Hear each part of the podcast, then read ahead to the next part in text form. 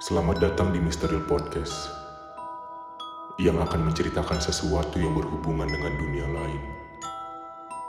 Sebelum podcast ini dimulai, pastikan kalian mematikan lampu, pakai headset dan besarkan volume. Tarik selimut dan jangan lihat ke atas lemari. Karena makhluk itu sedang mengawasimu di sana. And this is Mystery Podcast.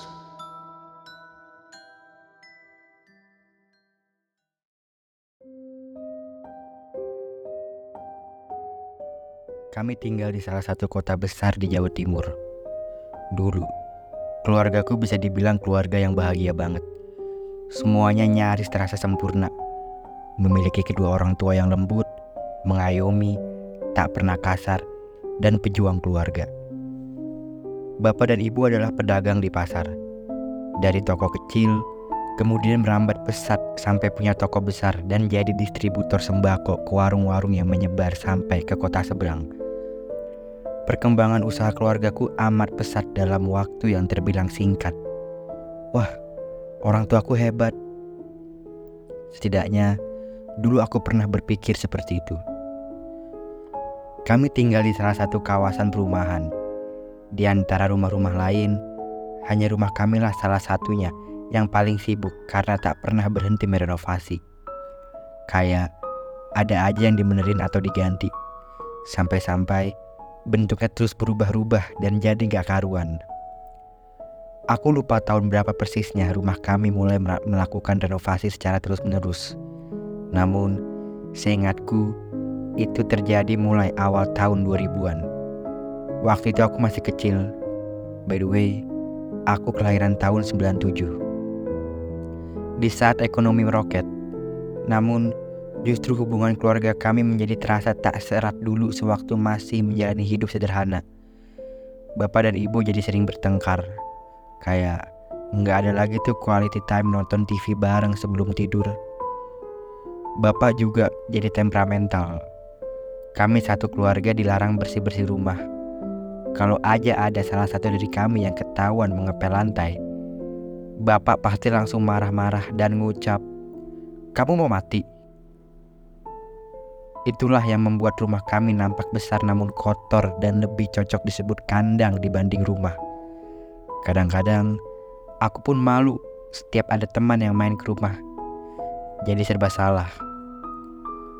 Awalnya semua baik-baik saja sampai suatu ketika Ibu menjadi aneh. Ibu jadi sering melamun, pandangannya sering kosong, dan ibu mulai sakit-sakitan. Setiap malam di atas jam 12, ibu selalu melin melindur tidur sambil berjalan ke arah halaman belakang.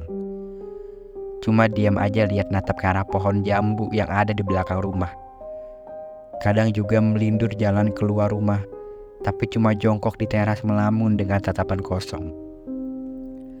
Ibu sering berteriak-teriak histeris ketakutan seperti disergap makhluk yang mana dia sendiri yang bisa melihatnya. Waktu itu, kami berpikir mungkin itu dampak dari demam ibu. Sampai tak lama berselang, aku melihat bapak bawa, bawa dua kepala kambing hitam. Tapi ketika ditanya sama kakak, bapak malah balik marah dan nyuruh kami semua masuk kamar.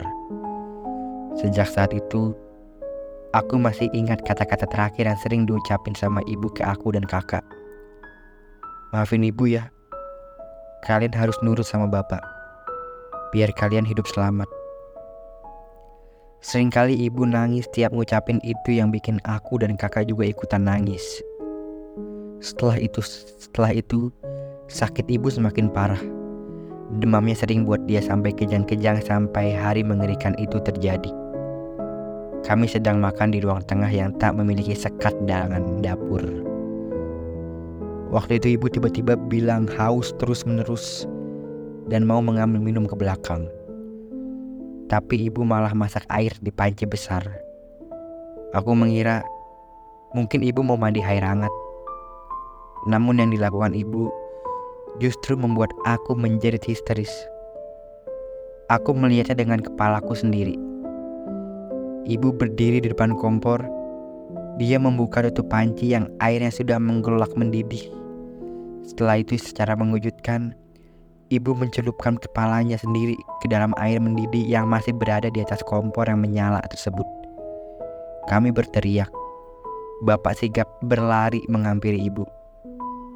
Namun ketika kepala itu ditarik paksa dari dalam panci sampai tubuhnya terjatuh ke lantai dan ibu nampak kejang-kejang tanpa bola mata hitam. Alias matanya putih semua. Di situ ibu meninggal dengan cara yang mengenaskan di depan anak-anaknya. Tahun 2002, ibu meninggal. Setelah kepergian ibu, rumah kami mulai semakin banyak teror yang menjadi-jadi dan kami mulai dihantui oleh makhluk kepala kambing yang mana kehadirannya telah diundang. Kematian ibu dan bagaimana cara dia meninggal masih terus terngiang-ngiang di kepalaku. Itu merupakan duka pertama, sekaligus menjadi awal mula dari petaka yang menimpa kami. Sampai sekarang, tak diketahui pasti apa alasan dibalik meninggalnya ibu. Namun orang-orang mengatakan bahwa ibu mengalami depresi tingkat akut dan gangguan kecemasan. Entah dari mana informasi tersebut bersumber. Semua opini tentang ibu berkembang liar begitu saja yang kadang membuat aku dan kakak aku ikut merasa tersinggung. Kok bisa ya? Mereka menilai begitu tentang ibu. Namun, kami cuma bisa diam, menyimpan kekesalan sendiri. Hari-hari tanpa ibu terasa jauh berbeda. Bapak juga jadi jarang pulang dan sering tidur di toko. Rumah sebesar ini cuma dihuni oleh aku dan kakak. Sejak usaha bapak berkembang, bapak tidak pernah mau memakai pembantu rumah tangga. Katanya dia tidak suka kalau ada orang luar di antara kami. Alhasil ibulah yang mengurus semua pekerjaan rumah sendiri dan di waktu bersamaan, ibu juga membantu usaha bapak di pasar. Namun yang sangat terasa berbeda ialah suasana rumah. Aku benar-benar merasa asing di rumah sendiri. Suatu malam, sebelum 40 hari meninggalnya ibu, tengah malam kakak mengetuk-ngetuk kamarku. Dia tampak gemeter ketakutan dan wajahnya banjir keringat. Namun malam itu, kakak gak mau bercerita apa pun. Dia cuma bilang, aku disuruh tidur di kamarnya. Soalnya kamarnya panas. Namun beberapa tahun setelah itu, kakak baru cerita bahwa yang sebenarnya terjadi sebenarnya malam itu ialah dia mimpi melihat ibu di kerangkeng rantai besi. Ibu menangis ketakutan dan berteriak menyuruh kakak lari. Tapi kemudian ada makhluk hitam besar berbulu yang menyergap kakak dan akhirnya kakak tersentak bangun.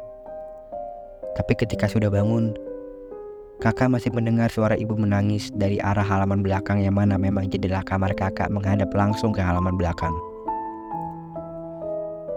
Suara ibu menangis merintih terdengar begitu jelas dan tak berhenti. Merasa merinding, kakak akhirnya keluar kamar dan membangunkan aku. Memang sejak kami sering ditinggal di rumah berdua, kami sering mendengar suara-suara aneh, seperti derap langkah keras dari lantai atas tepatnya dari kamar ruang kerja bapak yang kami semua dilarang untuk membuka apalagi masuk ke dalam rumah tersebut. Suara benda-benda terjatuh sendiri, suara orang menangis. Kakak juga pernah melihat sosok seperti kuntilanak yang merayap di jendela kamarnya. Kudirlah itu katanya tersenyum lebar dengan mata melotot ke arahnya. Hampir setiap malam, kami mendengar suara kambing dari arah halaman belakang. Padahal, kami di perumahan biasa dan tidak bisa dibilang elit. Tak ada satupun tetangga yang memelihara kambing di sini. Sampai-sampai aku juga pernah beberapa kali ditanya sama tetangga yang menduga kami memelihara kambing di rumah karena ternyata tetangga-tetangga juga mengaku sering mendengar suara kambing setiap tengah malam sampai waktu menjelang subuh. Tahun demi tahun, kami tak punya pilihan selain melanjutkan hidup. Berupaya terbiasa dengan segala keanehan-keanehan di rumah dan bapak yang setiap hari selalu saja melakukan ritual di ruang kerjanya dengan membawa ke kepala kambing hitam. Bisnis Bapak memang semakin maju. Bapak juga banyak dapat proyek-proyek lain. Tak memungkiri aku pun ikut menikmati segala fasilitas yang Bapak kasih dan itu memang lebih dari cukup. Bapak juga sering bersedekah ke masjid dan ke panti-panti. Setidaknya itu hal positif yang aku lihat dari Bapak yang secara nggak langsung membantu aku menampik segala pikiran buruk tentang Bapak. Sampai pada tahun 2012, pertengkaran hebat terjadi antara kakak dan bapak. Waktu itu kakak mengamuk tak terkendali sampai bawa-bawa pisau mengancam mau membunuh bapak. Aku yang melihatnya tentu cuma bisa menangis sembari berusaha suka tenaga menahan kakak agar tidak kelepasan. Kamu bunuh ibuku. Sekarang gantian. Aku terkejut dengan kata-kata kasar yang berulang kali diteriaki oleh kakak ke bapak. Kakak tersulut emosi seperti orang kesetanan. Sedangkan bapak hanya berdiri terdiam tanpa melakukan perlawanan apa pun seolah mengakui perbuatannya. Bapak tiba-tiba menangis dan bilang, "Iya, seharusnya bapak yang mati, bukan ibu." Bapak menjelaskan kalau selama ini dia melakukan pesugihan atas persetujuan ibu. Mulanya, perjanjian itu tidak meminta tumbal manusia. Hanya ritual dan penyerahan kepala kambing hitam sebagai pengganti tumbalnya. Tapi hal yang tidak diduga oleh Bapak, tiba-tiba ia mendapat mimpi kalau iblis itu meminta tumbal dari orang yang paling disayang oleh Bapak. Dia meminta salah satu dari anak-anak Bapak yaitu antara aku dan kakak. Namun ibu menolak. Kemudian, ibu menawarkan diri untuk menjadi pengganti kami. Sampailah ibu meninggal secara tragis. Bapak menyesal. Maafin bapak. Aku nggak tahu gimana menyikapi kenyataan yang mengejutkan itu. Aku terlalu kaget dengan semua yang baru aja aku dengar. Satu-satunya yang bisa kulakukan sebagai anak usia 15 tahun waktu itu cuma nangis. Beberapa hari setelah itu, kakak nggak pulang ke rumah. Nggak tahu dia pergi ke mana. Aku cuma sendirian. Ngobrol sama bapak pun hanya sekedarnya saja. Sampai bapak akhirnya mencari kakak yang menginap di rumah temannya lalu meminta untuk pulang. Bapak mengumpulkan kami di sini. Di situ dia mengakui kesalahannya dan dia menjelaskan kalau tidak memiliki pilihan lain selain melanjutkan apa yang udah dia mulai. Kalian berdua sudah dewasa. Bapak nggak ingin ada korban lain setelah ibu. Pada intinya, dari pembicaraan itu, Bapak cara nggak langsung meminta kami untuk menerima kenyataan menyedihkan sekaligus mengerikan itu. Bapak meminta kita untuk membantu membantu Bapak melanjutkan ritual dan menjaga rahasia keluarga ini agar kami semua selamat dan tidak ada tumbal lagi. Kami pun terpaksa melanjutkan hidup sesuai dengan apa yang diminta Bapak. Gimana pun aku, kenyataan yang harus kami hadapi ialah ini semua telah terjadi dan gak bisa diubah. Aku dan kakak juga gak mau ada korban tumbal lagi yang menyusul seperti ibu. Jadi ya, mulai hari ini, kami bukan hanya sekedar tahu, melainkan juga ikut membantu Bapak setiap kali Bapak melakukan ritual renovasi rumah, termasuk menjaga rumah tetap kotor. Di situ kami tahu kalau Bapak selalu mengubur kepala kambing bekas penumbalannya di halaman belakang rumah. Ingatanku tertuju pada suara-suara kambing yang kami dan para tetangga dengar setiap malam sampai menjelang subuh. Semakin hari semakin banyak serangga bahkan kala jengking yang nggak tahu dari mana sumbernya tapi seperti keluar dari sela-sela lantai. Habis itu bapak langsung mengganti semua keramik dalam rumah.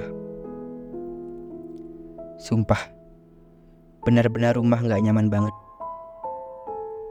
Rumah yang seharusnya di tempat tenang, malah setiap hari rasanya selalu was-was sama hal buruk apalagi ya Tuhan yang akan menimpa kami. Dan benar saja, meski kami telah berusaha untuk memenuhi kemauan Bapak dalam mematuhi setiap ritual, tapi yang dikhawatirkan tetap terjadi. Beberapa bulan setelah itu, masih di tahun yang sama, 2012, kakak meninggal secara mendadak dengan sekujur tubuh membiru dan mata mendelik ke atas seperti orang tercekik. Sempat dibawa ke dokter ketika kakak masih kejang-kejang. Namun, kakak sudah meninggal sejak di perjalanan ke rumah sakit. Dokter bilang, penyebab kakak meninggal ialah karena penyumbatan pembuluh darah yang kemudian berdampak ke paru-paru dan jantung. Sepengetahuanku, kakak adalah orang yang paling jarang sakit di antara kami. Jadi itu semua tentu tidak masuk akal. Dan lagi-lagi, aku cuma bisa nangis. Hari itu, aku benar-benar membenci Bapak. Tapi sehabis itu, aku justru mengalami banyak kejadian-kejadian aneh. Dan teror yang bikin aku sulit tidur. Seolah-olah aku jadi bisa melihat mereka yang tak kasat mata. Enggak lama setelah kematian bapak, enggak lama setelah kematian kakak, untuk pertama kalinya, aku bertemu dengan makhluk kepala kambing itu. Satu hal yang gak pernah aku bayangkan semasa hidup ialah ketika hidupku seperti sudah tak memiliki batas dengan mereka yang tak kasat mata. Aku jadi bisa mendengar suara-suara aneh, tapi gak ada wujudnya. Tapi kadang aku bisa melihat sosoknya, tapi ketika makhluk itu seperti berbicara kepadaku, namun aku tidak bisa mendengar suaranya.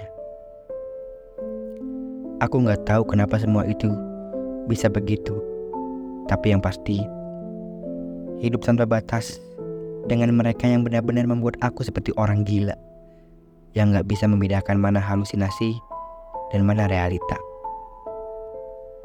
Aku sempat berpikir kejiwaanku terganggu. Aku minta sama bapak untuk ke psikolog, namun sama sekali nggak ada perubahan. Yang ada, malah kian hari mereka terus menggangguku sampai aku sakit, demam tinggi, dan hampir satu bulan tidak mau ke sekolah. Aku merasa menjadi manusia paling aneh ketika melihat mereka yang orang lain gak lihat dan itu benar-benar susah banget untuk bisa berpura-pura jadi orang normal. Kalau aku ceritain satu persatu gangguan yang aku alami, nanti tulisan ini akan kepanjangan.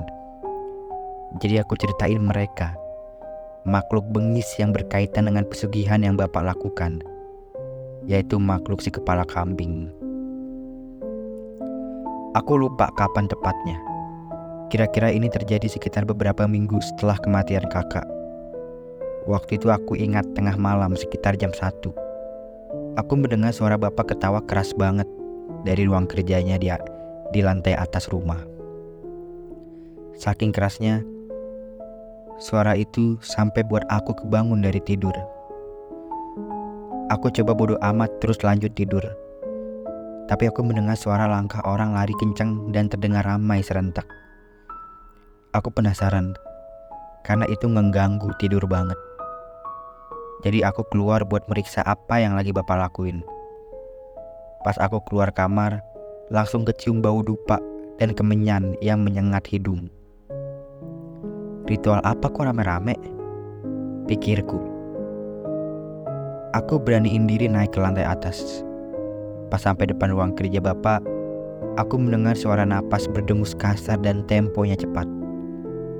Awalnya, aku ragu-ragu buat buka ruangan itu karena teringat pesan bapak untuk jangan coba-coba masuk ke ruang kamar itu. Tapi suara yang aku dengar itu semakin keras. Aku juga jadi takut terjadi apa-apa sama bapak di dalam. Rasa penasaranku mengalahkan ketakutan dan keraguanku. Pelan-pelan aku buka pintu kamar itu sekedar agar bisa mengintip. Namun betapa terkejutnya ketika yang aku lihat ternyata bukan bapak, melainkan makhluk setengah manusia dengan kepala kambing dan tanduk meruncing itu terlihat sedang malam dengan lahap seperti binatang buas kelaparan. Dia duduk membelakangiku. Aku coba melihat apa yang dia makan. Sampai hari ini aku masih nggak percaya jika mengingat kejadian itu. Aku masih berharap apa yang aku lihat itu cuma halusinasi. Tapi aku melihat secara jelas dan nyata makhluk itu lagi makan potongan-potongan tubuh yang gak lain ialah mayat dari kakakku sendiri. Aku shock. Mau teriak tapi gak bisa. Mau lari badan rasanya kaku kayak patung. Aku cuma berdiri dengan tubuh gemetar dan makhluk itu menengok ke arahku. Mata merahnya menyorot tajam dan secepat kilat dia berbalik badan ke arahku lalu menyergapku seperti akan menerkam. Habis itu tiba-tiba pandanganku gelap. Aku terbangun di kamarku. Kepala rasanya pusing banget dan badan terasa remuk pada sakit seperti habis dibanting. Di lengan dan badanku juga banyak luka seperti luka cakar. Aku manggil-manggil bapak dan bapak bilang semalam aku pingsan di depan ruang kerjanya. Dengar bapak ngomong kata ruang kerja, seketika aku teringat kejadian yang kulihat tadi malam yang bikin aku sampai pingsan. Aku langsung gemetar, nangis.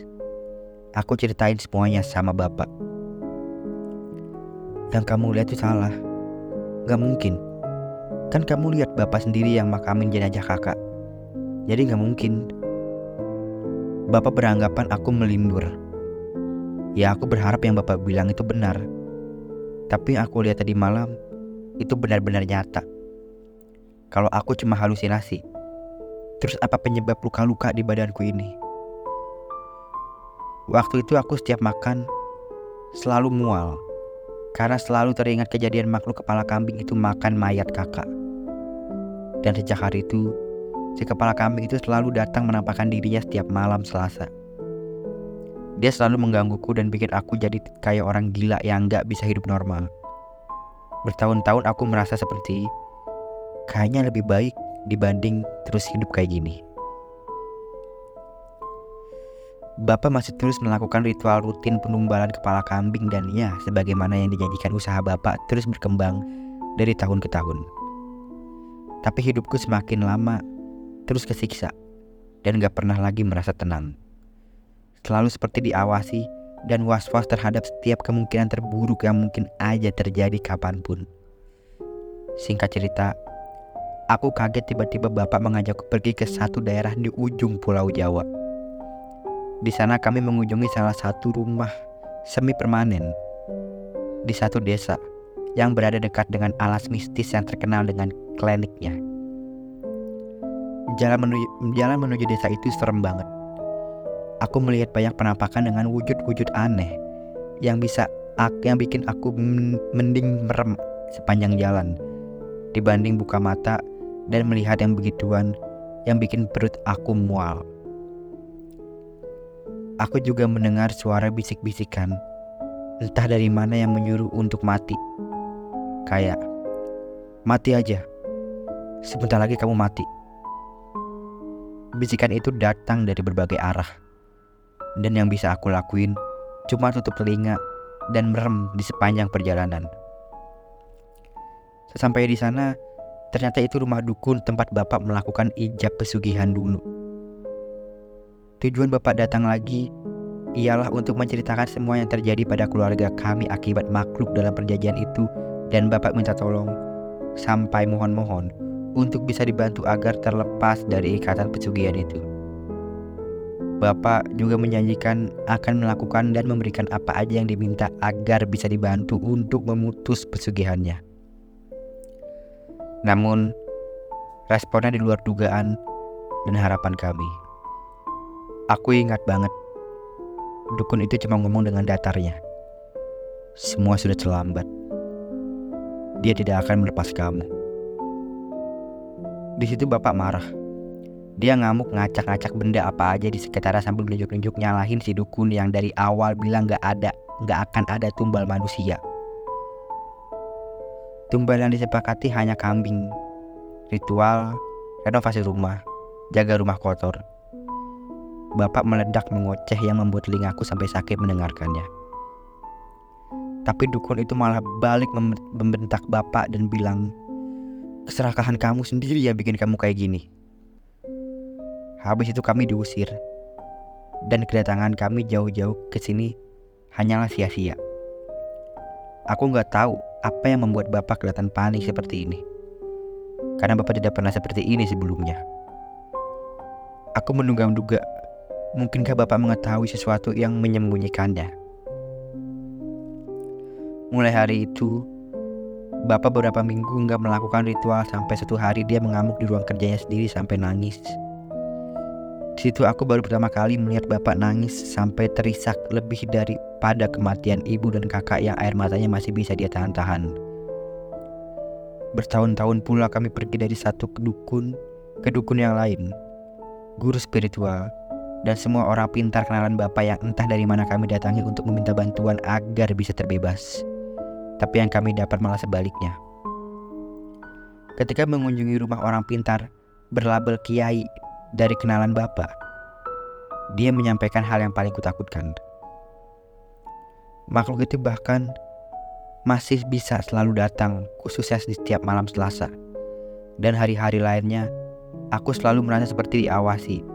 Bahkan sampai ketika ini, rasanya beku benar-benar capek sekarang. Aku cuma bisa berdoa, semoga Tuhan memberikan jalan terbaik. Dan kalaupun aku harus mati, mungkin itu yang terbaik.